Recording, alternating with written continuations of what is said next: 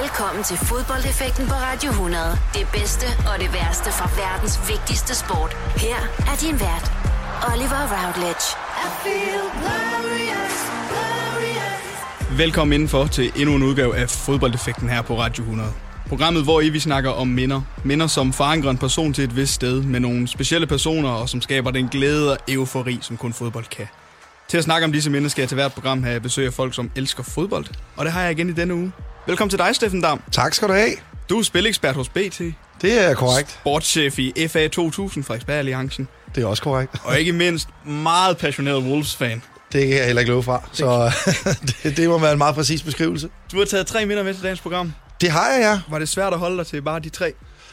Ah, det må jeg sige, fordi det har jo efterhånden været et langt liv med, med alle mulige mærkelige oplevelser inden for fodbolden. Øh, mere eller mindre sjove. Jeg har prøvet at tage de, de, i hvert fald, der både betyder noget for mig, og taget sådan lidt kuriøse, kuriøse ting med her. Øh, men der har der været mange andre ting, jeg også kunne vælge ud. Øh, så jo, det var faktisk svært, men vi har prøvet at, at, ligesom at, at næle det ned til tre. Jeg prøver at spørge så vidt som muligt mine gæster til hvert program, hvor, hvorfor de tror, at fodbold er en god sport til at skabe minder, som man efterfølgende kan lave et, nogle gange et helt radioprogram om. Er der noget specielt ved fodbold, eller er det bare fordi, at, som jeg også siger, at ja, vi synes, det er verdens bedste sport? Jamen, det er jo fordi, det er verdens bedste sport, men jeg tror også, det er fordi fodbold, det kan jo noget sådan helt unikt i forhold til at skabe sammenhold, øh, og, og kan man sige, for det meste en fredelig form for sammenhold. Øh, nu har jeg været til en del slutrunder, øh, en del, men jeg har været til nogen, og, og det er en helt, helt, helt unik stemning øh, på den gode måde, øh, der er til, til, til sådan nogle slutrunder. Og, og der må man bare sige, der, der kan fodbolden bare noget, som jeg ikke har set. Set andet kan jo måske lidt. Jeg har også været til et OL i Rio, og det var, det var også sådan lidt det samme. Men, men der kan sport og specielt fodbold, altså bare noget, som intet andet kan. Det kan samle, og det, det synes jeg er noget af det, som, som gør fodbolden også så unikt, udover jeg synes, det er et fantastisk spil. Nogen, der bestemt også kan noget i øjeblikket, øh, det er Wolverhampton. Det er så dejligt. du er så, som jeg lige har sagt, glødende Wolves-fan, og det er jo ikke en af de klubber, som har den største fanbase i Danmark, synes jeg. Nej, ikke endnu. så uh, af den grund også, så synes jeg lige, vi skal snakke lidt om uh, Wolves nu, og jeg har dig på besøg, og det gør vi altså lige om et øjeblik her i Fodboldeffekten. Du lytter til Fodboldeffekten på Radio 100 med Oliver Routledge. Vi er i gang med den uges udgave af Fodboldeffekten, hvor jeg besøger Steffen Dam, sportschef hos BT. Uh, nej, spilekspert hos BT, sportschef hos FA 2000, og ikke mindst Wolves-fan. Steffen, I er tilbage i det forjættede land, der er Premier League. Det er vi, ja. Og det er jo øh, det er en fantastisk rejse det, de seneste øh, halvandet år. Ja, hvordan er det at være Wolves? Hvordan var det at være Wolves-fan sidste år? Fordi I, jeg må desværre sige som Middlesbrough-fan, I fejrede alt modstand af banen i, i The Championship sidste år. Ja, men det var jo fantastisk. Øh, og det, der synes, der var det mest fantastiske, det var, at uh, vores uh, nye manager, Nuno, egentlig har, synes jeg, den meget, meget, meget, meget stor del af æren. Jeg ved godt, at mange siger, det er fordi, at Wolves har brugt så og så og så, så mange penge på at nå det, de har, har gjort. Og de har da selvfølgelig også investeret.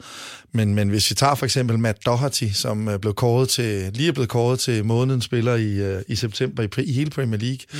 Altså, det var altså en spiller, som jeg stod og bandede væk for fire år siden til en Forest-kamp og sagde, hvordan pokker kunne han være på, øh, på Wolves' bedste hold i en forfærdelig kamp. Vi taber 3-0 på Molyneux og øh, på en af mine, øh, mine årlige besøg derover. Så, så det var sådan, at jeg her øh, fire år senere øh, skulle stå og se ham blive, øh, blive kåret til månedens spiller i, i Premier League. Det, det er fuldstændig surrealistisk, og, øh, og må jeg bare sige, vanvittigt godt managerarbejde. Vi kan tage et andet eksempel på vores central forsvarsspiller, Connor Cody, som var periferispiller, da han kom til øh, på central midt, og så omskoler Nuno ham til... Øh, til central forsvar. Nu har han, var han faktisk på tale til det engelske landshold øh, til den her gang. Kom ja. det så ikke udtaget, men, men det kan han sagtens blive, hvis han fortsætter den form, han har haft nu. Og så det, jeg vil sige, det har været øh, også det, man hører derovre fra. Altså, han er enormt populær blandt spillerne, og han har, har transformeret den måde, Wolves spiller på, til at være øh, med et meget, meget moderne udtryk, både defensivt og offensivt. Øh, hurtigt spil langs jorden, øh, spiller også med de her tre forsvarsspillere, som bliver, bliver mere og mere udbredt. Så så jeg vil sige, det har været en fantastisk rejse at følge, og, og egentlig også en sjov rejse, fordi ja, der er kommet specielt en del portugiser til, men, men, men det er ikke fra sådan den øverste, øverste, øverste hylde. Det er jo ikke sådan, at, at, at man, man har købt verdensstjerner ind. Altså det mest kendte navn, man har købt af Joao Moutinho. At, at, og med al respekt for ham, det er jo ikke sådan, at man vil placere ham på, på hylde 1 i, øh, over fodboldspillere. Så, øh, så nej, jeg synes, det har været en øh, fantastisk spændende rejse, og Og så, hvis vi bare tager fra i år, altså Fulham har jo brugt langt flere penge i det her transfervindue, end Wolves har. Øh, og man er jo ikke, fordi Fulham ligefrem brænder banen af i Premier League, så, så det handler også om, at, øh, at der er noget rigtig, rigtig, rigtig dygtig managerarbejde bagved. I øh, klubben er ejet af et kinesisk konsortium, der hedder Fosun International. De overtog, så vidt jeg kan forstå, i 2016. Ja, det passer øh, meget godt, ja. Hvad er der sket på Wolves i den tid siden 2016?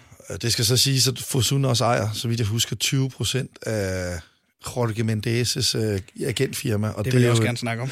Og det er jo selvfølgelig, det gør det hele jo lidt specielt, og det er jo også derfor, de har alle de portugiser og en portugisisk ja. manager. Um, men, men man skal også bare huske på, at, at man, ja, man skal også huske at bedømme dem på, på hvad de har, har opnået, øh, fordi altså, så igen tager en meget sammenlignelig klub som Aston Villa har jo brugt mm og som jo har jo der brokket sig over Wolves, og ja, men det er også unfair, men, men altså Aston Villa har jo brugt mindst lige så mange penge, som Wolves har, øh, og jeg tror også, de har højere lønninger, end Wolves har i hvert fald i sidste sæson, men de har bare investeret pengene dårligt. Øh, og der kan man jo sige, at, at, at jamen Wolves kan måske have en fordel, at de kan tiltrække nogle spillere, men, men altså Neves var, som jeg husker det, ikke engang fast mand i Porto, og var derfor nem at få fat i.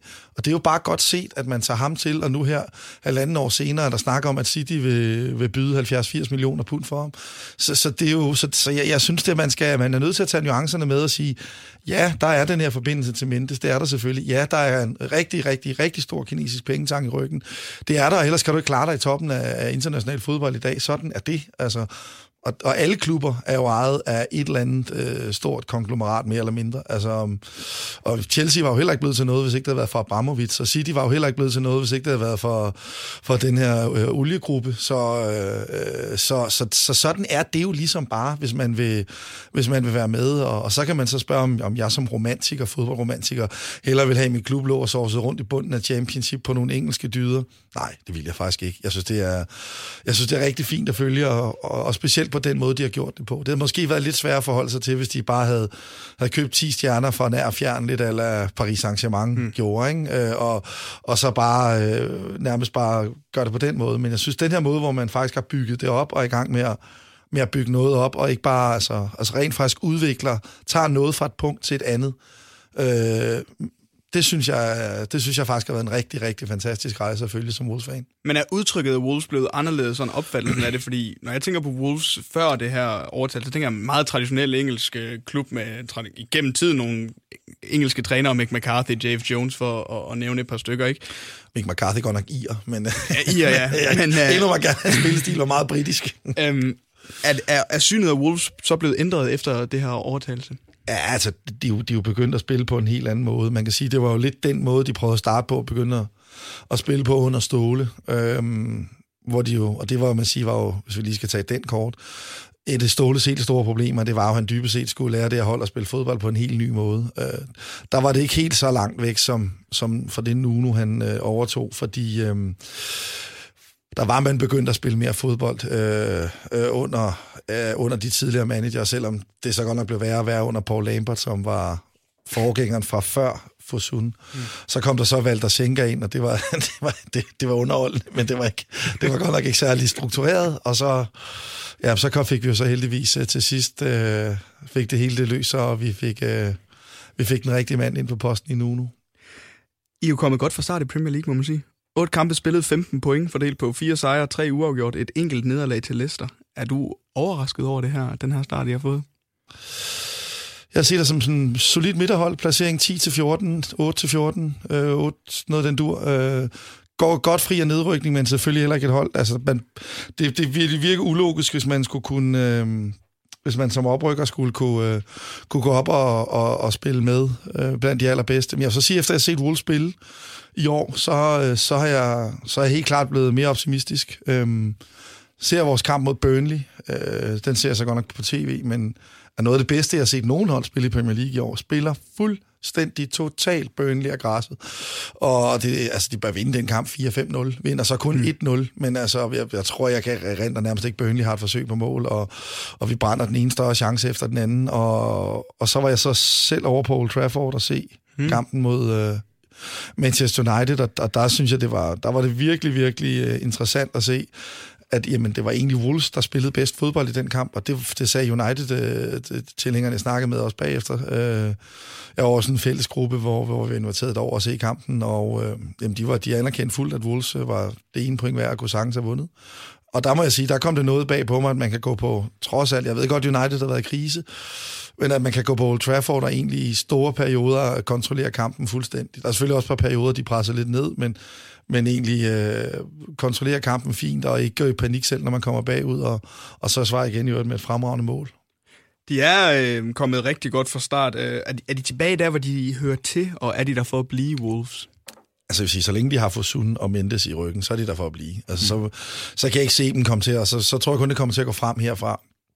Øhm, hvor meget frem, det er jo så et, et godt spørgsmål. Øh, men man kan sige, med den succes, de har nu, det, jeg, vil det være meget overraskende, hvis Fosun trækker sig ud. Og, øh, og så længe de er der, som sagt, så, øh, så, så tror jeg, at Wolves kommer til at etablere sig i Premier League. Om de lige frem kommer til at udfordre toppen. Der skal rigtig, rigtig mange penge til. Øh, og det ved jeg ikke, om Fosun har at kaste i det. Men, øh, men, men altså, så længe vi kan præstere sådan her, så er jeg også ovenud lykkelig. Nu nævner du Jorge Mendes igen, vi har talt om, om ham lidt før. Han har jo haft en lille finger med i spillet det her. Du siger, at øh, Fosun ejer 20% af hans øh, forretning også. Øhm, de, de er jo nogle flotte transfers, de har hentet Wolves, de har lavet de sidste par år. Men er det, er det forkert? Du nævner selv, der er en fodboldromantiker i dig. Nej, men som jeg også sagde tidligere, altså, altså hvis, hvis du vil spille med på den allerøverste scene, så kan du lige så godt dræbe fodboldromantikeren, altså, fordi han er der jo ikke længere. Altså, det er jo, det er jo kæmpe, kæmpe milliardforretninger, alle de største klubber, og så kan du så vælge at sige, jamen, øh, så, så, altså, så kunne man lige så godt bare begynde at holde med, hvad fanden ved jeg, uh, Leighton Orient eller sådan noget, hvis man virkelig ville tilbage til rødderne. Uh, og det er der har jeg jo også. Der var jo så til fodbold sidste år. Et meget hyggeligt sted. Hed Brisbane Road i gamle dage. Nu har vi nok fået sponsornavn.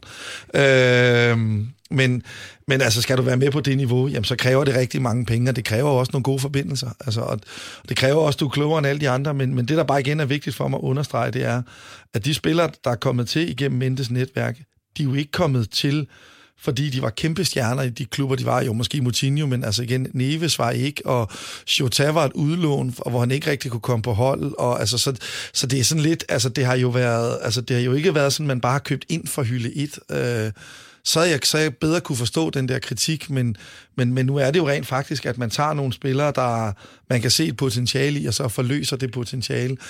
Og det synes jeg bare er godt arbejde, øh, og specielt godt managerarbejde.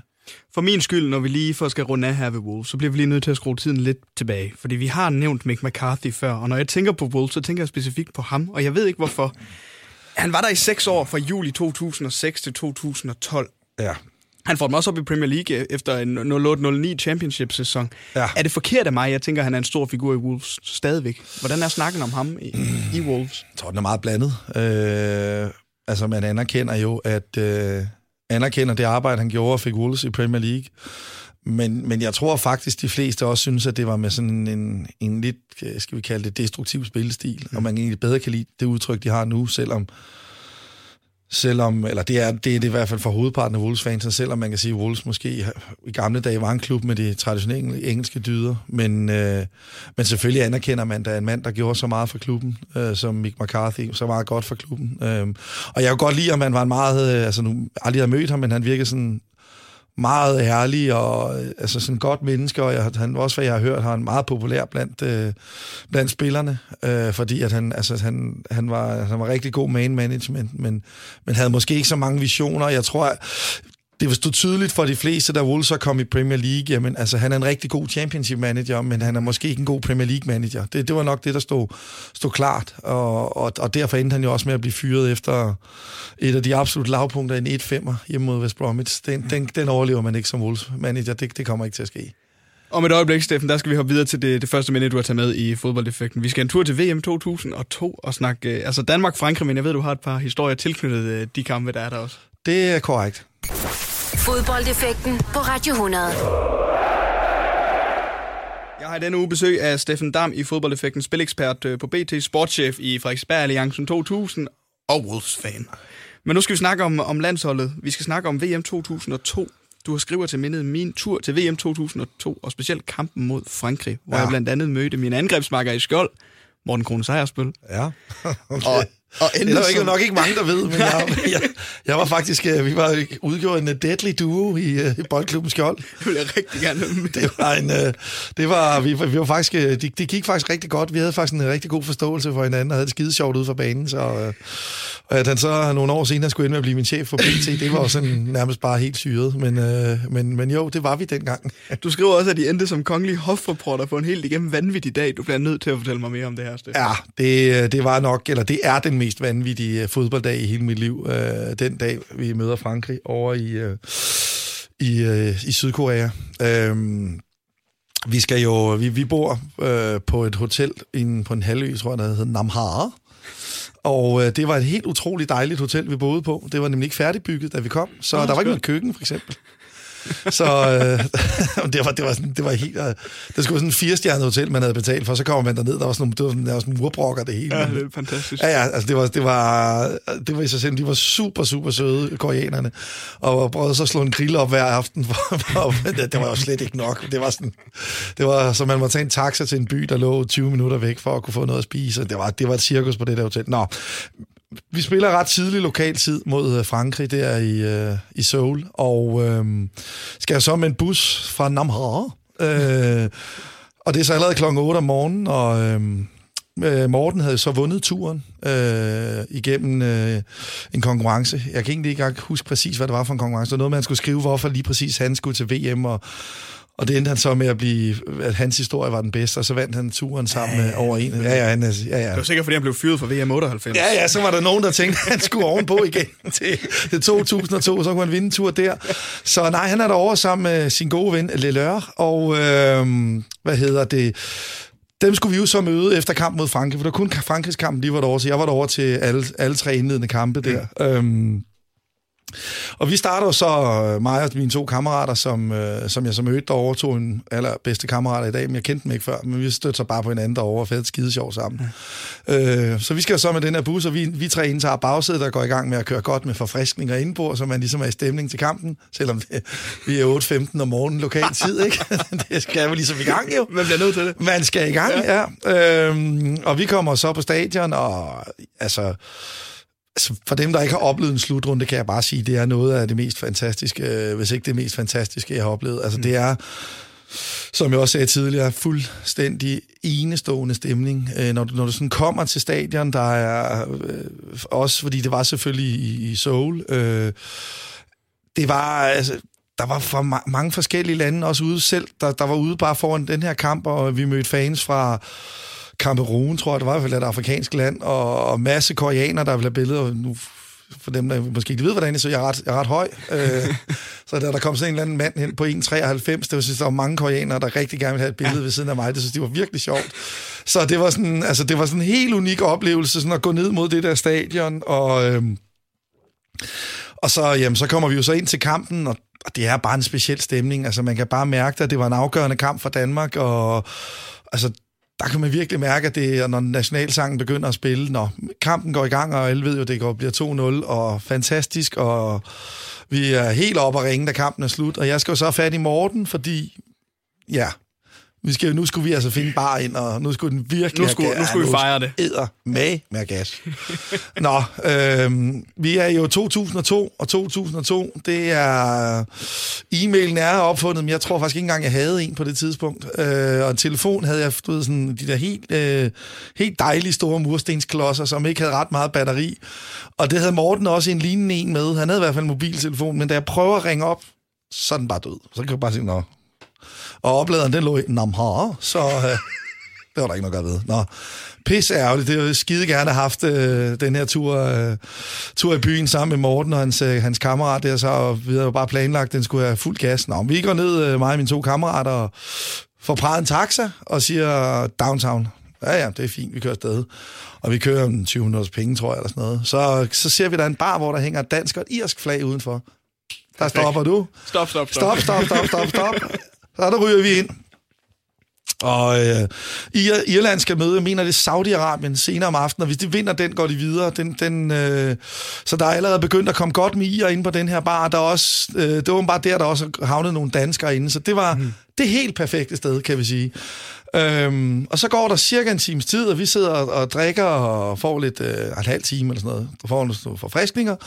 Og en af døren på baren træder Morten og Morten Krone og hans kammerat. Stod bare sådan, what are the odds? Altså, det er, vi snakker en by på 11 millioner indbyggere, vi selvfølgelig, vi kan ikke få fat i hinanden, øh, ingen kommunikation, og så ender vi selvfølgelig på den samme bar. Det er da Morten. Men det er da Morten.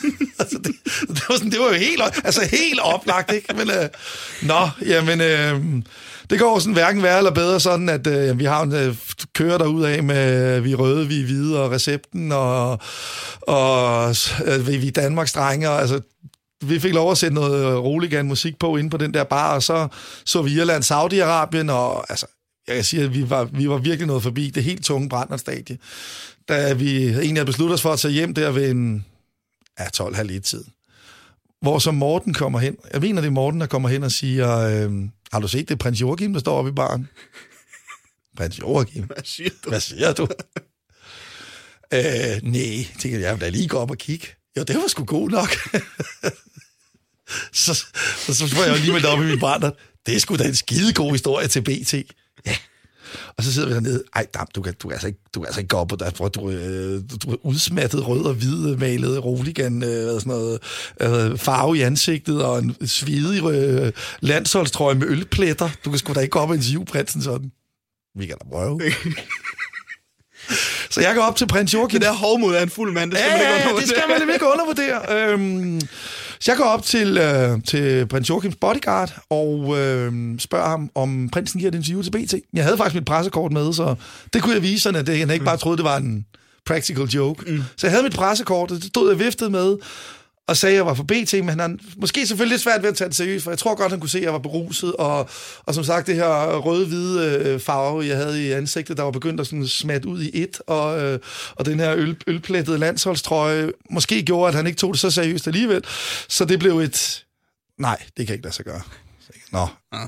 Men, men man er jo, man skal lige så sige, ah, ah, altså prins Joachim, er der noget, han godt kunne bruge, så var det at blive udstillet som folkelig. Det ved jeg, man har lidt problemer med. Prøv lige, kan du ikke se det for dig? Joachim festede hele natten med de danske roligan. Det var da fantastisk. Fantastisk historie. Ah, sagde ham der bodyguarden så. Nå, ja, vi sætter os ned og får en lille, en lille forfriskning, og øh, så havde jeg egentlig ikke tænkt mere over det. Vi skulle lige til at gå. Kommer bodyguarden ned, prikker mig på skulderen. Du har fem minutter. Nej. Nå, nå, nå okay. Du ved, hvad fanden gør man? Nå, det eneste, jeg lige havde i lommen, det var en sivekvittering fra Kløvermarkens Tennisklub, og op og låne en kuglepind op i, øh, op i baren, og så var jeg ellers klar, du ved. Så interviewede jeg prins Joachim i fem minutter, og ja, jeg kan ikke helt huske, hvad jeg spurgte ham om. Øh, og så prøvede jeg så at notere, jeg godt så godt, jeg kunne på den der sivekvittering. og så tilbage. Det er sjovt. og så tilbage mod, og så, og, og så Morten tager så billeder, af Krone, Morten Krone tager billeder af mig, mens jeg står og snakker med prinsen. Det var lidt godt interview. Det, blev et fantastisk interview, og du ved, det var sådan lidt om, øh, nå, hvordan var det sådan at være her blandt de danske roligans, og havde det, hvordan synes de kampen var på stadion, og hvordan var stemning? Altså, du ved, sådan, man, det var, jeg var ikke ude i... Uh, det var ikke noget kritisk interview. Det du er jo ikke så folkelig. Nej, altså, nej, det var ikke det, men altså, det, jeg skulle for fanden prøve et eller andet. Altså, hvad fanden finder man på i sin brænder, det ikke? Men jeg synes, at det var stadigvæk øh, at sige kæmpe, kæmpe ros, for han rent faktisk øh, gav sig tid til det, prins Joachim. Det synes jeg var helt vildt, øh, helt vildt stilet af ham, og måske også et udtryk for, at han var egentlig ikke så... Øh, han var måske lidt mere folkelig, end de fleste gik rundt og, og ville gøre ham til. Jeg synes i hvert fald, det var, øh, det var, øh, det var kongeligt gjort af ham. Øhm, og øh, jamen, så, jeg, så jeg står og snakker der med ham, og så, så er vi helt op at køre, og han, han står med sin... Så, så da barn så lukker der klokken tre, der, der det eneste, der sådan set er tilbage, det er, er, er prins Joachim Sling og så os. Og vi kommer så ud øh, og skal, skal tage hjem og så tage en taxa, og så er der to øh, taxaer i, øh, i Seoul. Det ene det er en almindelig taxa, og den anden det er en taxa royal. Ja, øhm, og så kommer vi så ned, og så vi skal til at stige fordi vi står forrest i en taxa, og det er så en taxa royal, og så er Morten Krone. Nej, nej, nej, nej, det er jo en taxa royal. Den tager de. så måtte vi vente til næste taxa.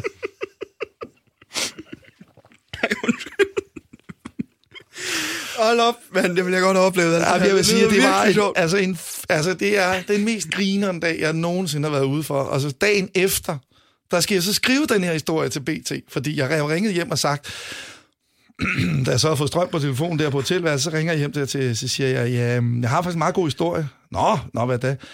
Ja, altså, jeg har øh, prins Joachim på Roligan bar med billeder. Var det noget? Og så bliver der bare helt stille i telefonen. Hvad siger du?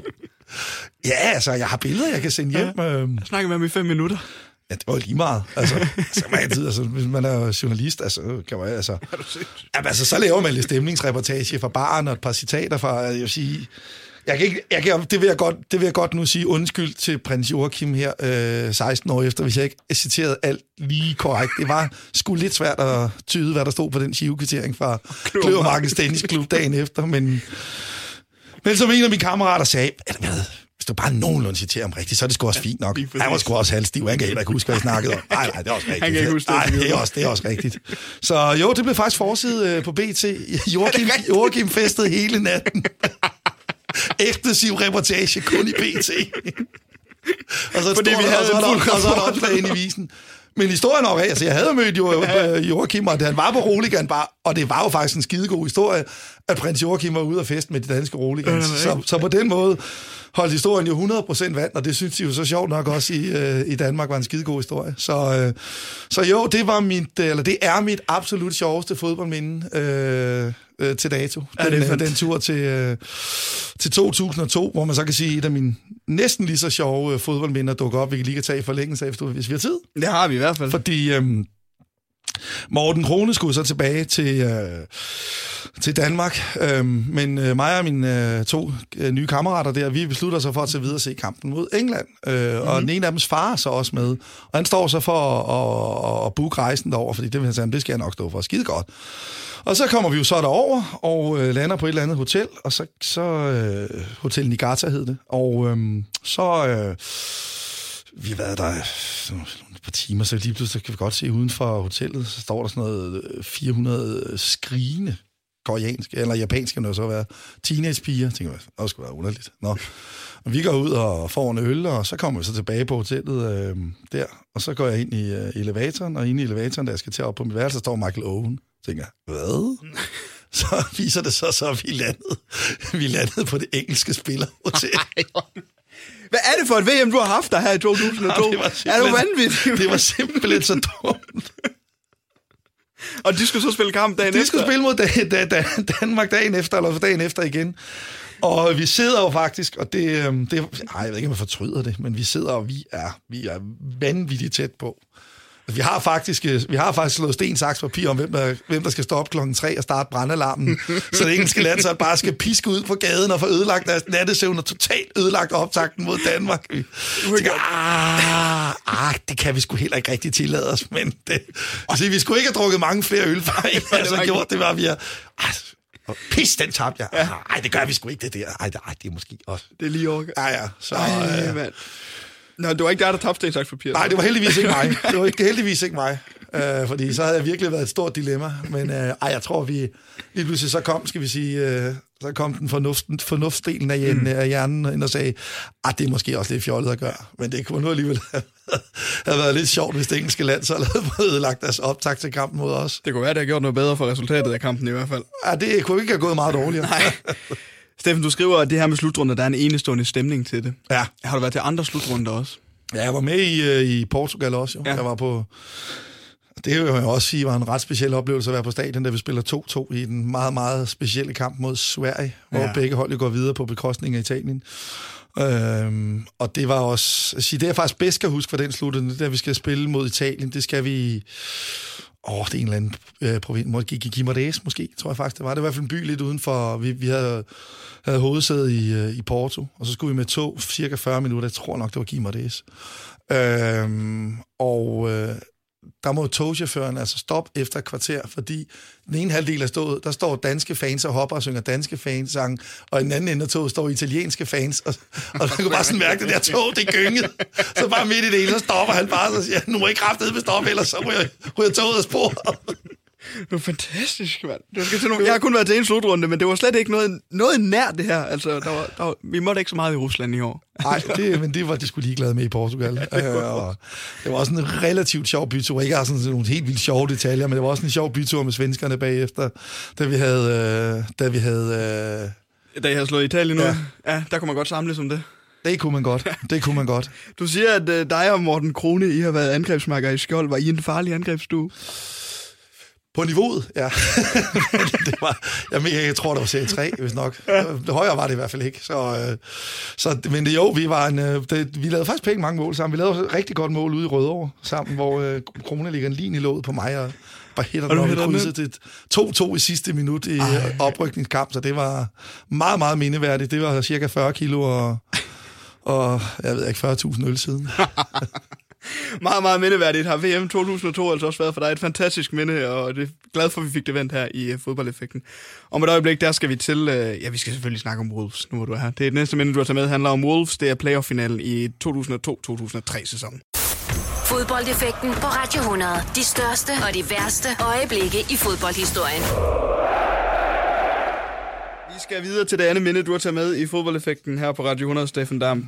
Wolves imod Sheffield United, playoff-finalen 0-2-0-3. Du siger, mit forhold til Wolves skal selvfølgelig med. Der er så mange spændende minder, men playoff-finalen mod Sheffield United er nok den enkelte kamp, som jeg husker bedst. Ja, og det er det fordi, at, øh, at det ligesom var der, løsningen kom. Øhm, at vi jo endelig, altså jeg har jo begyndt at holde med Wolves, da de lå i 4. division, og min sådan, første kamp, jeg kan huske med dem, øh, ikke jeg så, men sådan resultat, jeg kan huske, var, at de tabte en playoff-finale til Aldershot øh, i 4. division. Så det er dernede, jeg startede med at holde med dem, øh, og jeg fik lov af min mor at, at ringe ind til resultattelefonen hver lørdag og høre, hvordan det var gået dem. Og, så, så det var sådan, det var på det niveau, jeg fulgte det i starten, fordi der var det sådan, det var tipsbladet øh, resultatsider, og, og så en enkelt gang en, øh, en artikel, og det var faktisk derfor, jeg begyndte at holde med dem. Øhm, det, var, øh, det var, fordi jeg læste en artikel om dem i tipsbladet, om den her gamle store klub, som, øh, som er rigtig, rigtig stor i 50'erne. Faktisk vandt forgængeren for, for Mesterholdenes Europacup. Øh, ja. Den turnering, der ligesom dannede basis for, for, for den Europacup for mesterhold, der blev indført som Real Madrid vandt. Den, den turnering vandt Wolves så året inden, øhm, men som så var øh, gået helt i hundene og var i store økonomiske problemer og, og øh, ja, men egentlig kunne gå konkurs nærmest hver øjeblik, det skulle være. Øh, og så har jeg altid haft det sådan lidt sådan... Øh, altid haft det lidt sådan, at altså, alle mine kammerater, de holdt enten Arsenal eller Liverpool eller United. Eller, altså, mm. det var sådan, det synes jeg var lidt kedeligt. Og jeg har altid været sådan lidt fascineret af den der fortælling om de der slumrende storheder. Dem har jeg altid haft et, øh, et hjerte fra, helt fra jeg var helt lille. Og, og så synes jeg, at Wolves havde et fedt navn. Altså Wolverhampton, bare det var et fedt navn, ja. I kan, kan jeg huske. Det var derfor, jeg endte med at holde med dem, tror jeg. Og så fordi jeg, sådan, jeg tænkte, det kunne være fedt at holde med et hold, og så prøve at se, om de rent faktisk kunne, kunne tage den hele vejen nedefra.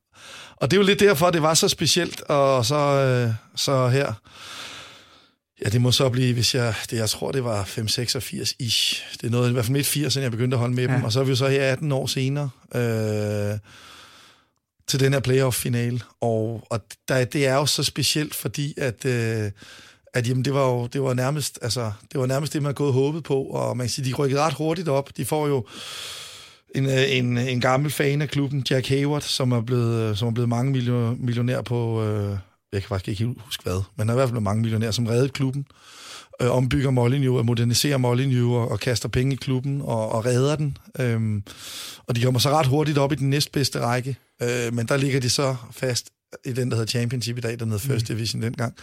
Øh, i mange, mange år. Øh, hed faktisk øh, anden division helt oprindeligt, før Premier League kom til Premier League. Men det er så, så det, der er noget, det er noget at have nogle navn i den tid, Wolves lå i den. Men, øh, men øh, det var ligesom, øh, de, de var tæt på nogle gange, de var 95, var de også i playoff, og der var de også i playoff, og sådan, hele tiden ligget den der udkant af, af, af playoff, eller komme i playoff, uden lige at kunne nå det sidste stykke op i Premier League.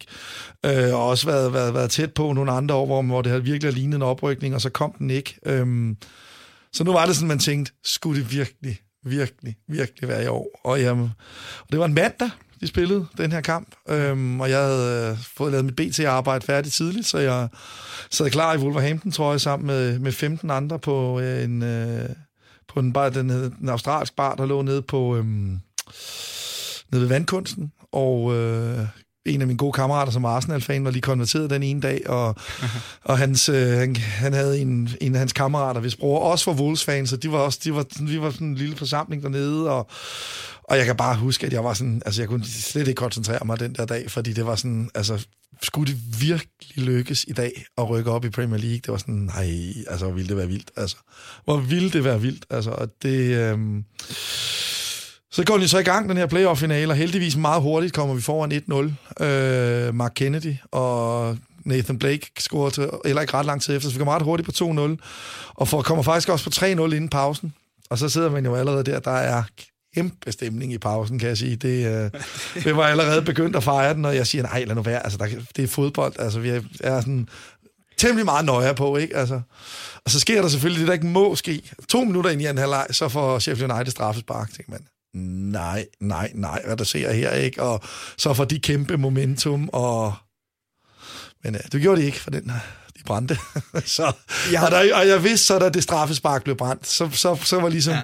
kunne man bare mærke, der var sådan en dyne, der faldt for hele forsamlingen. Der var kun Wolves-fans inde på den der bar, sådan, Puh, og jeg kan bare, altså det var sådan, altså selvom det var en mand, der, altså jeg tror, jeg var hjemme klokken to, altså vi, vi, vi altså det var... Du var ikke meget til på ah, det var, vi, vi, vi, vi, øh, vi, der blev virkelig, virkelig uh, sunget, og, og vi snakkede Wolves, og selvfølgelig enormt meget på, hvordan det ville gå i Premier League, men også bare mm. hele det her med, altså den her skæbne fortælling, man jo, man jo har sammen, når man holder med sådan en af de her mindre klubber, altså det er jo ikke, det er jo ikke, altså, det er jo ikke Arsenal eller, eller Liverpool eller United. Altså, der, der kan man virkelig tale om lidelseshistorie, ja. når man er nede og, nede og holde med nogle af de her klubber, og så, så bare se dem i, i Premier League, og altså, var jo helt vanvittigt. Og, og der kan man så sige, at de så rykker op i Premier League, jamen, altså, der står altså det var ligesom, kan man sige, det helt store krone på mesterværket, det er, da de så slår United. Dem slår de jo Manchester United, som, som fører Premier League på det tidspunkt, hvor Wolves møder dem i januar, og så mm. slår de dem 1-0 på et mål af Kenny Miller. Det var...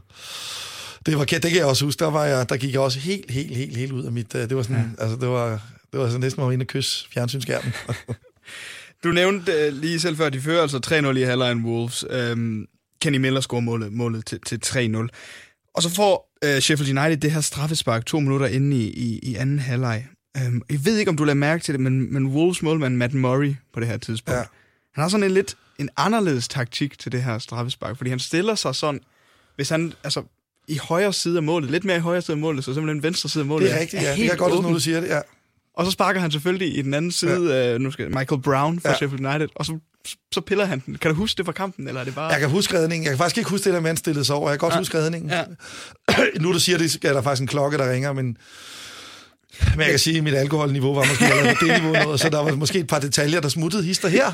Øhm, men øh, nu, det, nu lyder jeg som en, øh, en meget fordrukken mand, det er jeg nu som sådan ikke, men lige når det hører sig til, til, til de store fodboldbegivenheder, der, der, der vil jeg gerne indrømme, der kan jeg godt lide en god fadøl. Det, det, det. Men hvad er det for et Wolves-hold, der rykker op i, i Premier League her? Altså Paul Ince som anfører, Kenny Miller, øh, United-legende Dennis Irvin, en ung Joe, Le, øh, Joe Lescott, altså Julian Lescott. Ja, han, han er så skadet noget af tiden, men... Øh, men hvad er det for et hold? Jamen, det, det var jo et... Øh, altså, det var jo sådan et, et, et hold, som stilmæssigt lå noget mere op af Mick McCarthy, end det lå af, hvad hedder han, uh, Nuno, hvis vi skal prøve at sammenligne ja. lidt med, med nutiden. Det var mere på de der uh, gamle britiske dyder, og det var måske også fair nok, fordi at, altså, Wolves havde ikke et budget, der var til meget mere end en, en bundplacering i Premier League, og, og man prøvede ligesom at overleve på, på, på de her dyder, uh, men men jeg tror, at jeg vinder de overhovedet en udkamp det år. Det, de var virkelig dårlige. De, de var faktisk meget gode hjemme på Molyneux øh, den år, det år, men, men altså, de var kvalt. Det var sådan, altså, det var, det var meget anderledes end det, de havde i, i dag, fordi altså, det var jo, som du også selv er inde på, en, lidt nogle haspins. De prøvede at se, om de kunne, øh, de kunne rive det sidste ud af, og der kan jeg egentlig, der kan jeg meget bedre lide den taktik, de, øh, de har nu, hvor, øh, hvor de ligesom prøver at, øh, at, at, at uddanne nogle unge spillere, altså tage nogle, unge spillere, som måske er, er inde i en dårlig periode, i den klub, de lige er i. Altså Jota, Ruben Neves, gør dem større, end at, end at tage alle mulige gamle, afdankede spillere, som, som måske lige skal presse det sidste ud af citronen. Øh, og det var måske lidt den fejl, de gjorde dengang, men, men det er også igen bare hårdt at kalde det en fejl, fordi... Øh, det var måske bare den mulighed, der var. Altså, de var jo ikke... Øh, altså, de var jo ikke... Øh, Altså, det, det var jo ikke noget fantastisk hold, de havde dengang, det må man bare sige. det, det var det jo ikke. Men det var Dave Jones, der var på trænerbænken. Det var det, ja. Til det her. Kom til i januar 2001, og er der til november 2004 en sejrsprocent på, på 40,1 procent. Hvad husker man om ham i, i Wolves, Dave Jones? Altså han får dem op i Premier League, så han må da have gjort noget, noget rigtigt for klubben. Altså man husker, og det var ikke fordi, at han blev jo faktisk frikendt, så, øh, så det var, så det var jo... Øh, så det var sådan måske lidt hårdt at huske ham for det, men man husker ham jo meget her fra siden sidenhen, fordi han, han blev indblandet i en sag om noget pædofili, tror jeg det var ja, der... Og det var, det var måske det, der sådan lidt har kommet til at, at præge hans eftermæle, men altså, jeg husker ham jo som, altså, jeg husker ham jo kun for det positive, altså, jeg synes, han, som jeg lige husker ham, mindede han en del om, og Mick McCarthy også sådan i, altså sådan, både i, altså i stil og i væremåde. Altså, der var måske ikke det, det, var ikke det, det mest øh, udviklende fodbold, øh, men, men det var meget ærligt fodbold, og det, der var meget passion indover, og... Øh, men måske, øh, altså, der manglede også noget, øh, altså, der, der manglede lige noget for at kunne be, Altså, det var, man havde det også sådan lidt med ham, at han nok egentlig også var en god championship manager, men en, øh, en knap så god Premier League manager. Så altså, det var sådan, øh, det var det, jeg husker ham for, men altså, han skal jo altid have... Han skal jo altid have evig ros for, øh, for at være manden, der skabte ja. os, øh, skabte os, skabte os tilbage. Øh, selvom vi så rykker, vi rykker jo ud med sådan en relativt brav. Altså, vi får 33 point, og det er jo hederligt nok, men altså... Men, men der er ikke reelt tæt på at blive op, altså. En anden manager, som i øjeblikket også er godt i gang med at bevise, at han er en god championship manager, men måske ikke så god Premier League manager. Han var manager for Sheffield United, Neil Warnock, oh, ja. som nu er i Cardiff. Oh, ja, det er rigtigt. Det gør jo, det gør jo ikke nydelsen af at vinde den kamp mindre. Nej, fordi han får nemlig et rødt kort, øh, inden ja, ja. anden halvleg skal i gang, rigtigt, Neil ja. Warnock. Neil Warnock. Det er rigtigt, ja, det kan jeg godt huske. Han bliver, han bliver smidt op på tribunen. Ja. Ja, men øh, man kan sige meget om Neil Warnock. Øh, han er en farverig figur. Øh, han, har, han har rigtig meget imod Wolves. Øh, Nå, han det?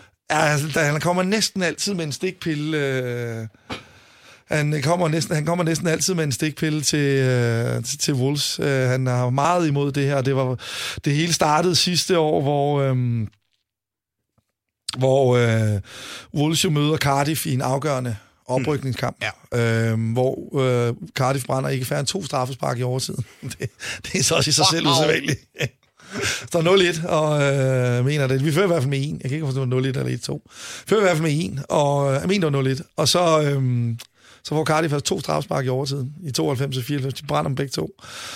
Og det ene straffespark, det jubler Nuno så meget over, at da kampen så bliver fløjtet af, der, der løber han ind og jubler for sine spillere og glemmer at sige tak for kampen til ja. Neil Warnock.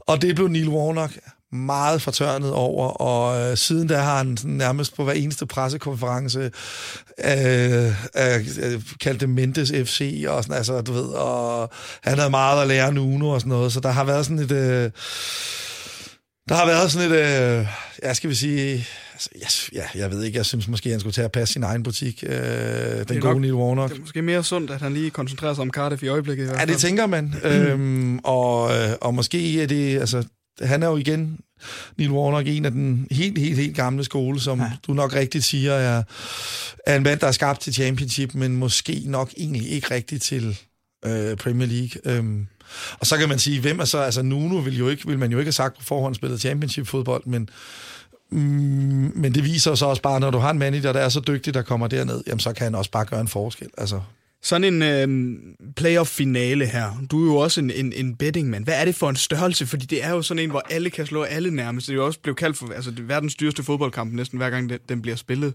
Jamen altså kendetegnene, hvis vi tager bettingbrillerne på. Øh, nu, nu var den altså lidt atypisk, fordi der falder tidlig mål, men mange af dem har jo en tendens til at blive enormt låste, og meget, altså, med mange dueller på midten, og og specielt i første halvleg meget afventende spil for begge hold. Altså, det har det lidt en tendens til, øh, det er næsten ligegyldigt, hvilken en af playoff-kampene er, fordi der står så meget på spil. Altså det, er, altså, det er jo en kæmpe forskel på, om du skal spille Championship, eller du skal spille Premier League. Øh, både hvad det giver dig selv af muligheder som, som spiller, men også hvad det giver klubben af muligheder. Så, så det er, altså begge hold er jo enormt bange for at lave fejl. Altså man vil helst ikke være, være manden, der lige lavede en eller anden dårlig tværpasning, som uh, gav modstanderen omstilling til 1-0, ikke? Altså så, så er man jo nærmest blive lynchet, så... Ja. Så jeg synes, mange af de kampe har en tendens til at blive meget låste og, og chancefattige. Der er selvfølgelig nogle undtagelser. Kan være falder der tidlig mål efter en dødbold, eller typisk efter en dødbold, hmm. jamen så kan det jo selvfølgelig åbne kamp. Det kan det næsten altid gøre, men, men, men sådan tendensen, hvis man skulle tage de briller på, er, at det ofte bliver chancefattigt. Men det gik altså godt for Wolves tilbage i, uh, i år 2003. Vinder 3-0 på mål af Mark Kennedy, Nathan Blake og Kenny Miller. Ja, det var, det var stadig en dejlig dag. Et dejligt minde også, og det er samtidig det andet minde, du har taget med i fodboldeffekten her på Radio 100. Fodboldeffekten på Radio 100. Der er altid noget, man husker. Jeg har i denne uges udgave af Fodboldeffekten besøg af Steffen Dam, sportschef i Frederiksberg Alliancen 2000, passioneret Wolves-fan og spilekspert på BT. Det er korrekt. Og lige præcis det her spilekspert, det, det skal vi snakke om nu. Du har vundet en million kroner engang, Steffen Dam. Det, ja, det er faktisk øh, korrekt, ja.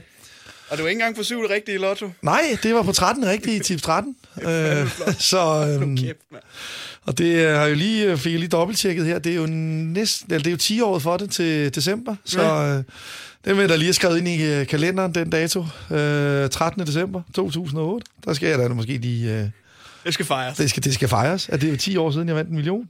Og, øh, Men øh, jeg kan huske dagen, som var det i går. Så. Ja, nemlig. Fordi, altså, kan du huske, du måske ikke huske alle 13 samtlige kampe på den her kupon. Ej, jeg kan Men, huske øh, nogle af dem. Jeg kan huske en af dem, det er Liverpool Hold, der bliver 2-2. Ja. Øh, og øh, altså sådan, hele forhistorien for den her kupon er jo også sådan lidt, øh, lidt speciel. Og nu er vi igen tilbage med det med alkoholen. Jeg skal sige, jeg har altså kun drukket vand i det her program.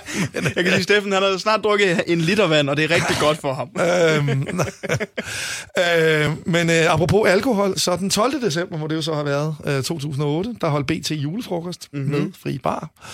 Og øh, den tog jeg godt for mig af. Så, Som man skal. Som man skal. Øhm, og endte i øvrigt med at falde i søvn i natbussen og vågne i Klampenborg. Så det var, det var sådan, hvad det var jo. Øh, og jeg boede, boede lige ved Svanemøllen station, så det var ikke sådan særlig hensigtsmæssigt. Så, øh, så men øh, jeg kom så tilbage, og jeg var så jo, det var meget sent, inden jeg kom tilbage. Så jeg vågner der ved en et-tiden dagen efter, øh, med pænt store tømmermænd, og tænker, hvad Åh, ja. Nå, jeg ser, hvad- og når der er noget fodbold i fjernsynet, og der var sådan noget tipslørdag, så tænker jeg, skal vi da lave en tipskupon for alle lir? Ja, ja, nemlig. Ja, så har vi lidt lir her og hygge mig med tømmermændene, ikke? Så for lavet det klassiske sæt, øh, bestilt en pizza og en cola til, at der en eller anden gut skulle komme med, og så fik jeg lavet en tipskupon til 108 kroner, så var vi klar til tipslørdag klokken 4, ikke? Ja. Og jeg, jeg tænker, øh, jeg vidste godt, der var det der, hvis der kun er en, der får en 13'er, så vinder han en million. Så det er sådan lidt ligesom, så spiller man jo ikke favoritterne, fordi det kan alle andre. Mm. Man er nødt til at prøve at ramme nogle lidt alternative tegn, hvis man skal ramme den der million. Og øh, jeg kan ikke huske, hvorfor, men jeg tænkte, hold, de kan sgu godt drille Liverpool. Det fik jeg tænkt i mit brænder. Så den tager vi ikke kryds i, for eksempel. Den blev så 2-2. Og så havde han noget promille. Og den blev så indenfor. 2-2, så øh, det var øh, det, det skulle vise sig at være rigtig fint, for jeg tror, det var helt klart medvirkende til, at den, den så ender med at, at, at komme, den der. Øhm, men, øh, men, men det der i det der, de 12 kampe spilles først kl. 16, og så 18.30 spiller Tottenham mod Manchester United. Øhm, og jeg kan så se, de første 12 kampe holdt. På, og så ind og så tjekke, fordi det er sådan et reduceret system, så selvom man har dem på opstilling, så er det ikke sikkert, at du har øh, 13 rigtige alligevel. Men øh, jeg havde så 12 rigtige på en række, og skulle så bruge et kryds i Tottenham Manchester United for en 13'er. Jeg Hvordan vidste så har du det, inden den kamp den men, går i gang? Jamen, jeg vidste ikke, at det, sige, jeg vidste jo, jeg, vidste ikke, jeg vidste bare, at det var en 13, og jeg tænkte, "Åh, okay, jamen altså. Øh, jeg vidste godt, at Liverpool er blevet uafgjort, men så har der været en del andre favoritter, og den giver nok 10.000. Det ville da også være, altså, ja. det er jo ikke noget life-changing. Nå. Men jeg skal til et pokerarrangement over hos nogle fodboldkammerater, Øhm, og det får jeg så stavret mig over til i min halvbrænder, der der kampen er slut 17.45, og vi sætter et Tottenham United på, for jeg vil gerne se, om jeg får en 13, og så sidder vi og, så spiller lidt poker, og jeg, får, jeg har taget lidt cola med, fordi puh, jeg skal ikke have mere alkohol den dag. Det, nej, det, nej, nej, det, det kommer ikke til at ske. Og så øh, midt i anden halvleg, står stadig 0-0, øh, så ringer øh, en af mine kammerater, som er ansat hos Danske Spil, He- helt tilfældigt. Øh, og så øh, falder vi i snak der, og så sidder vi og snakker lidt, og så siger jeg, Nå, for øvrigt, jeg har en 13'er, hvis den bliver uafgjort, den der Tottenham United. Nå, Nå, siger jeg så. Ej, hvor vildt. Jeg prøver sgu lige at ringe ind og høre ind i kontrolcenteret, hvad, øh, hvad den så giver. Ja. Nå, ja, ja, det var fint. Så ringer jeg tilbage 4-5 minutter senere, der var så et kvarter tilbage af kampen. Sidder du nede, Steffen? Ja, hvor, hvad da? "Ja, Det er til en million kroner, skal den holde uafgjort. Ej. Altså, jeg kan bare sige, jeg hoppede lige ud af pokerturneringen et øjeblik. så sad jeg altså sådan kridhvid i ansigtet foran den der skærm der. Hold nu. Der kan jeg sige dig, det var det længste kvarter i mit liv, og jeg var sådan, og var, jeg gik bare frem og tilbage, og de andre fandt jo også ud af, hvad der skete, så pokerspillet stoppede lidt, ikke? og nu var der sådan lige lidt, lidt fokus på den her kamp, og det, øh, ham, den ene af dem, der var der, han er kæmpe United-fan, og siger, det er første gang nogensinde, jeg ikke har holdt med United. og tiden den gik, og den gik, og vi sniger os i overtiden, og så får United frispark lige ude foran Tottenhams felt, og jeg tænker, nej, nej, nej. Og uh, Tottenham havde en målmand på mål, der hed Gomes, Aurelio Gomes, som der sikkert er nogen, der vil kunne huske. Og uh, han var bestemt ikke min, uh, min favoritmålmand, det blev han. Uh, fordi uh, så går Giggs op og tager det her frispark, og sender et fantastisk frispark afsted lige op mod krydset, og jeg når bare at tænke, det er kraft style med løgn. Så kommer Gomes bare flyvende som en eller anden, anden raket, og sådan yderste fingerspidsen for en vippet den op på overlæggeren, og ud til hjørnet. Jeg står bare sådan, åh, altså det var sådan, tiden stod fuldstændig stille. Altså, en, altså al tankevirksomhed var ophørt. Det gik i slow-mo ja, for dig, ja, det der frispark. Fuldstændig. Ja. Altså, og, fuldstændig. Og øh, kæmpe jubel der i, i stuen der, da han så får reddet den op på overlæggeren, og så får de jo så fløjtet af, og lige sådan en dobbelttjek ind på nettet, ja, den skulle gå nok til en million. Hold nu kæft, mand. Og bare sådan, altså, øh, ja, kæmpe gruppekrammer der, og jeg rundt og kramme alt det der, det, og så siger jeg, ah, det er vist mig, det er vist mig, der giver i aften, så... Så du endte med at... Ja, jeg, ikke sende en af, en af drengene afsted øh, med mit dankort, så jeg går bare ned og tømmer 7-Eleven, for alt, hvad jeg har alkohol, så skal vi bare i gang. Og øh, så må jeg i gang med at ringe rundt til familien og sådan, og ringe til min mor, du ved... Øh, Nå, øh, har du prøvet lige at tjekke præmieprognosen? Nå, altså, hvad, det er en 13, der giver en million, og hvad så? Jamen, du sidder lige og snakker med ham, der har vundet den. Nej, nej, nej. Det, det, det, det kunne min mor slet ikke forstå. Nej, nej, det var, det var, ah, men det var på alle parametre, altså helt vanvittig oplevelse at vinde en million. Øh, også fordi det er sådan, altså, det er så seriøst mange penge, jeg skulle ikke så sige. Skattefrit. Skattefrit. Øhm, og altså, ja, altså, som det der med at mere alkohol den dag, det er det er så lynhurtigt i graven. Og, øh, og man skal jo selvfølgelig fejre sådan en million kroner. Ja, og hvordan, hvordan gør man så det? Ja. Det gør man øh, ved at ringe rundt til nogle af sine kammerater og sige, at vi mødes på Ruby om en time. sådan en cocktailbar, der ligger nede i Gamle Strand. Og øh, jeg kan lige så godt sige det, som det er. Når man har vundet en million, det er ikke der, det er ikke der beskedenhedsgenet, det lige sådan begynder at tit frem i en. Så jeg kommer jo ind der, der er helt proppet på Ruby's, eller Ruby, og øhm, kommer så, går så op i baren, og så siger jeg, jeg vil gerne se på noget champagne. Mm. Så siger den flinke bartender, ja, nå, jamen, øh, nå, jamen, øh, vi har 12 forskellige slags, øh, altså jeg kan lige starte med de billigste. Nej, nej, det kan du ikke. Nej, det, nej, nej. Start med det dyreste. Så siger, han, så siger hun, ah, det er sådan en Don Perignon Magnum til 3.500 flasker. Så kigger jeg bare på hende jeg vil gerne have to, ja. og så skaffer du også et bord, ikke? Og så kan jeg sådan, sådan helt forvirret i hovedet, og ud og snakke med manageren, og manageren ind, lige at få fjernet nogen fra et bord, og der var der to flasker. Ja, tak. Så kunne jeg gå ud og sige til drengene, så kan I godt plads? komme ind. Kom ind. Ej, hvor fantastisk. Og det var ikke som, altså der kan jeg bare sige det sådan, de kunne drikke lige, hvad de ville. Ja. Øh, der var, vi fik en regning på 19.000, og det var, det, det, det, og det, det, det var, jeg, perfekt. Ej, jeg har aldrig været mere ligeglad i Ej, lige præcis. så øh, så det, øh, det var en, øh, en helt vanvittig aften også. Mm. Øh, så og bare vågne der dagen efter, og så gå og logge ind på sin netbank og se, der er gået en million ind på ens konto. Det er sgu også lidt, det er også i den syrede afdeling, vil jeg sige. Hvornår, altså, en million på odds. Altså, altså, hvor god er du? Du er spilekspert, Steffen, men hvordan, altså, hvor, hvor, fanden, hvor god er du til det her? Altså, nu vil jeg så lige sige, jeg lever af at spille på fodboldkamp, øh, og det vil jeg sådan, i alt ubeskedenhed vurdere, jeg er ret god til. Ja. Men det her, det var rent, altså, det var jo pure luck, det kan så godt være at sige. Okay. Altså, det er en kupon lavet i en brændert, øh, og det er også derfor sådan, altså, der, jeg, jeg, jeg, går, jeg synes, det er en fantastisk historie, men, men, øh, men, og selvfølgelig kan man sige, jo, jeg, jeg ved godt, hvordan man skal tænke, når man skal spille tips. Det her med, at du er nødt til at prøve at finde nogle lidt outsider-tegn, hvis du skal ramme. Men at den ender med at ramme, det er jo, det, det, det må vi stadigvæk sige, det var mm. i den meget heldige afdeling. Øh, men, øh, men, men, men derfor, altså, derfor kan man så godt, så godt være god til at, at, at tjene penge på odds ved siden af, ja. selvom man har ramt en tips -kupon. Og den hjalp mig da også i gang med ligesom at have nogle penge og, og starte med at spille øh, sådan for alvor og give mine indsatser inden mm for at sige den almindelige sportsbetting, øh, så jeg kunne tjene nogle flere penge på det kan man sige. Men, men, men selve, selve, selve 13'eren isoleret set, det, det kan lige så godt være ærligt at sige her, hvis, hvis, hvis der er folk, der ved lidt om det, og jeg begyndte at sige, det var simpelthen bare fordi, jeg var verdens klogeste, så vil de ja, bare sige, du er fuld af løgn, og det vil jeg bare sige til dem, du I er ret. Så, ja. så det vil jeg ikke. Det vil ikke begynde at, at, at glorificere den kupon anden og sige, at det var, det var, en, det var egentlig min som uh, lidt lir i en, uh, en bagkoger, og som endte med at blive en... Helt fantastisk. En helt koger. ja, det endte jo faktisk med at blive en, en life changer for mig på, ja. på mange måder, og en, uh, en dag, jeg aldrig glemmer. Men uh, det, er jo, det er jo sådan det er jo det, er jo det som, som sådan noget også kan, og det, øh, det er jo også rart, og det er jo lidt ligesom, altså det er jo, jeg tror også, øh, folk, der vinder i lotto, øh, hvis de, jeg tror der stadigvæk, de synes, det er en fed dag, selvom de måske ikke, måske ikke var så meget skill, men mere held, der gjorde, de vandt. Så, så, så jo, det må jeg sige, det var mere held end skills, der gjorde, at jeg vandt, øh, vandt en million, men, øh, men det blev penge nu ikke mindre sjov af. Nej, det tror jeg gerne. Hvornår, hvornår finder du ud af, at du er god til det her med odds? Altså, ah, det, det kommer sådan over tid, hvor man kan se, at man kontinuerligt bliver ved med at tjene penge på det, og ja og til sidst tjene, tjene gode penge på det, ikke? Øh, og, og er i stand til ligesom at slå bookmakerne, og man kan sige, det handler jo meget om, som jeg har skrevet en hel bog om det jo. Mm. Øh, så, så, så at skulle sidde og, og forklare det her, hvordan man gør, det vil, øh, det vil, det vil nok kræve en udsendelse i sig selv. Øh, men, men det handler sådan grundlæggende jo meget om at... Øh,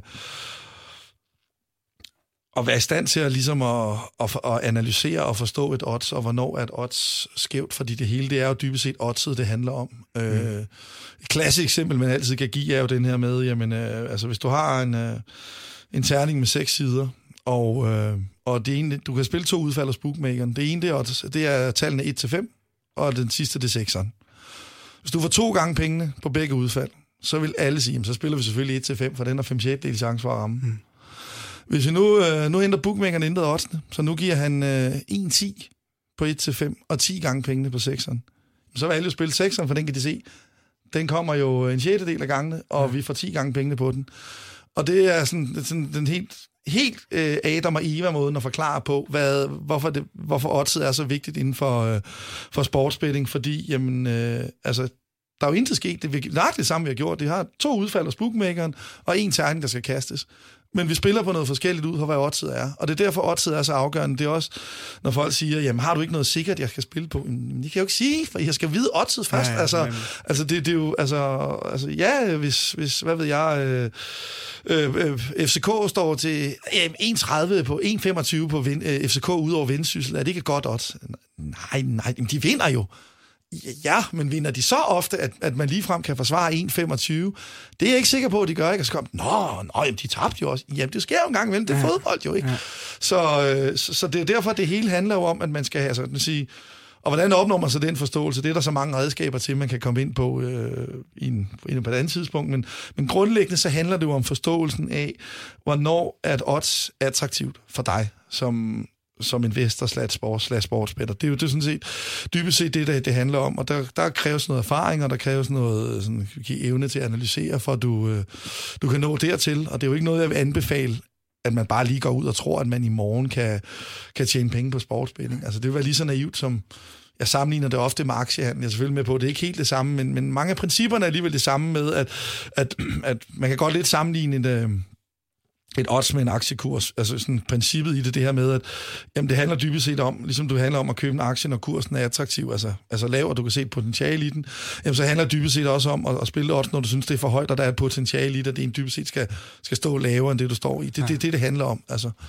Øh, og det er også derfor, når, altså, altså jeg, jeg, jeg bliver nødt til at bare svare som standard. Har du ikke et eller andet sikkert? Jamen, eller at FCK ikke sikker over Vendsyssel eller Randers, eller hvem de nu end møder, jamen, det kan jeg ikke sige. Jeg, jeg, kan da, jeg vil godt sige, at jeg synes, de er store favoritter. Men hvis bookmakeren har inkorporeret det i oddset, så er det jo pisse ligegyldigt, at, ja. at de store favoritter. Altså fordi, så er, så er det jo, så er det jo en, en ligegyldig information. Altså det er jo igen det samme med, jamen, der er også stor forskel, for eksempel at spare på 1,10, det svarer til 90% chance for at vinde, og 1,50, det svarer til 66% chance for at vinde. Altså der er alligevel, øh, der er alligevel 24, 24% forskel bare på 1,10 og 1,50, og det er altså en kæmpe stor forskel, men folk tænker, ah, men de, der er lavt odds, de store favoritter, det er bare for at tage sådan, altså ja. det er jo, altså det, det, det, er, det, det kræver alligevel noget, for at du, øh, at du er i stand til at slå bookmakerne, og, og det, det siger jo også lidt sig selv, fordi at ellers så var, eksisterede bookmakerne jo ikke, hvis alle vandt. Altså det er jo det er en, det er en svær disciplin, men, men jeg kan sige, det er jo, altså jeg er jo, jeg er bare enormt glad for, at jeg, altså det er helst vildt, det var blevet professionel fodboldspiller. Det var definitivt ikke god nok til. Men så det næste sjoveste var også alligevel at leve af af sin, sin store passion fodbold, mm. og det, det er der i hvert fald kunne formå at gøre indtil nu, og det er, der, det er jeg sindssygt glad for. Og spilekspert hos BT, hvor tit og ofte kan man uh, gå ind og se dine uh, tips til, til weekend, hvis der sidder en lytter derude, der gerne kunne vil ind og se dine, uh, dine tips? Jamen, det kan du gøre hver dag i BT, og du kan også, de samme tre tips, som er i BT, kommer lidt senere på dagen på nettet, så, uh, så kan man se dem der, og jeg kan lige sådan skyde ind, at man havde haft en tilbagebetaling på 111 ved at fulde, følge alle mine daglige spiltips hver dag i løbet af året, og tjene lige omkring 9.000 kroner bare ved 100 kroner per spil. Så det har faktisk været en god forretning i år. Må det man godt lige lave lidt andet. Det må man meget gerne. Meget, meget gerne. Så altså ind og finde uh, Steffen Dams uh, spilletips ind på, på BT hver dag, så er du altså med i en, en god klub, lyder det til. Det har i hvert fald over tid givet overskud. Så meget kan jeg love, men, øh, men jeg vil jo altid lige huske at sige her til sidst, så der ikke er nogen, uh, nogen der kommer efter mig, at spiller altid på eget ansvar, og man må aldrig spille for mere, end man har råd til at tabe. Det er to meget vigtige ting at sige, fordi at, at, at jeg og alle mulige andre har selvfølgelig ingen interesse i, og at der kommer ludomaner ud af, ud af det at spille. Så, så det er vigtigt for mig altid at sige, at, at jamen, altså, det er en investering, og jeg investerer jo heller ikke mere på et bet, end jeg har råd til at tabe. Altså, det, det er jo vigtigt, at, at man ikke siger, at jeg har 10.000 råd, så er der 10.000 på det hele, og så, åh, oh, for fanden, jeg tabte. Jamen, det sker jo. Altså, altså selvom du har lavet en rigtig vurdering, altså, det samme før, jamen, altså, altså lad os sige, du, øh, du, øh, du, du spiller odds 10 på 6'eren, jamen den kan altså sangslå, du kan sangslå en terning 15 gange i træk, uden det bliver en 6'er. Hmm. Så har du stadigvæk lavet 10, 15 gode spil, men du har stadigvæk 0 kroner tilbage hvis du, har, hvis du har spillet alle dine penge op på de 15. Altså, så det handler dybest set om, en anden vigtig ting, hvis du skal overskud, det er, at du må aldrig spille for mere, end du har råd til at tabe, og du, du skal dybest set altid have råd til at sætte det næste spil, for hvis ikke du, det øjeblik, du er nede på 0, så kan du i hvert fald aldrig komme videre. Så, så, så, det er sådan, så derfor er det meget vigtigt for mig at sige, det vil, det vil jeg gerne lige uh, i hvert fald have med her til sidst, at, uh, at, uh, at man må aldrig spille for mere, end man har råd til at tabe, og man skal selvfølgelig tage det for, hvad det er. At hvis man ikke har det som sin fuldtidsbeskæftigelse, som jeg har, så, så tag det som lidt, uh, et ekstra krydderi på hverdagen, og kan man ovenikøbet tjene penge på det, så er det jo kun super fedt. Fodboldeffekten på Radio 100. Der er altid noget, man husker. Med de tre minder, som du har taget med til denne uges udgave af fodboldeffekten, Steffen Dam, som altså var en noget dejlig tur til VM 2002. Det må man sige. Det, øh, det, det jeg elsker at fortælle den historie, det tror jeg godt, man kan mærke. Jeg synes, også fordi det var det virkelig en, øh, en, en dag, jeg aldrig glemmer. Det var, det var virkelig, virkelig fedt. Wolves oprykning fra uh, Championship, uh, eller League, hvad hed det dengang? First Division dengang i 2002-2003, og altså dengang du vandt en million kroner, jamen, så er vi nået til vejs ende med den uges udgave af fodboldeffekten. Tusind tak for dit besøg, Steffen Dam. Selv tak. Fodboldeffekten på Radio 100.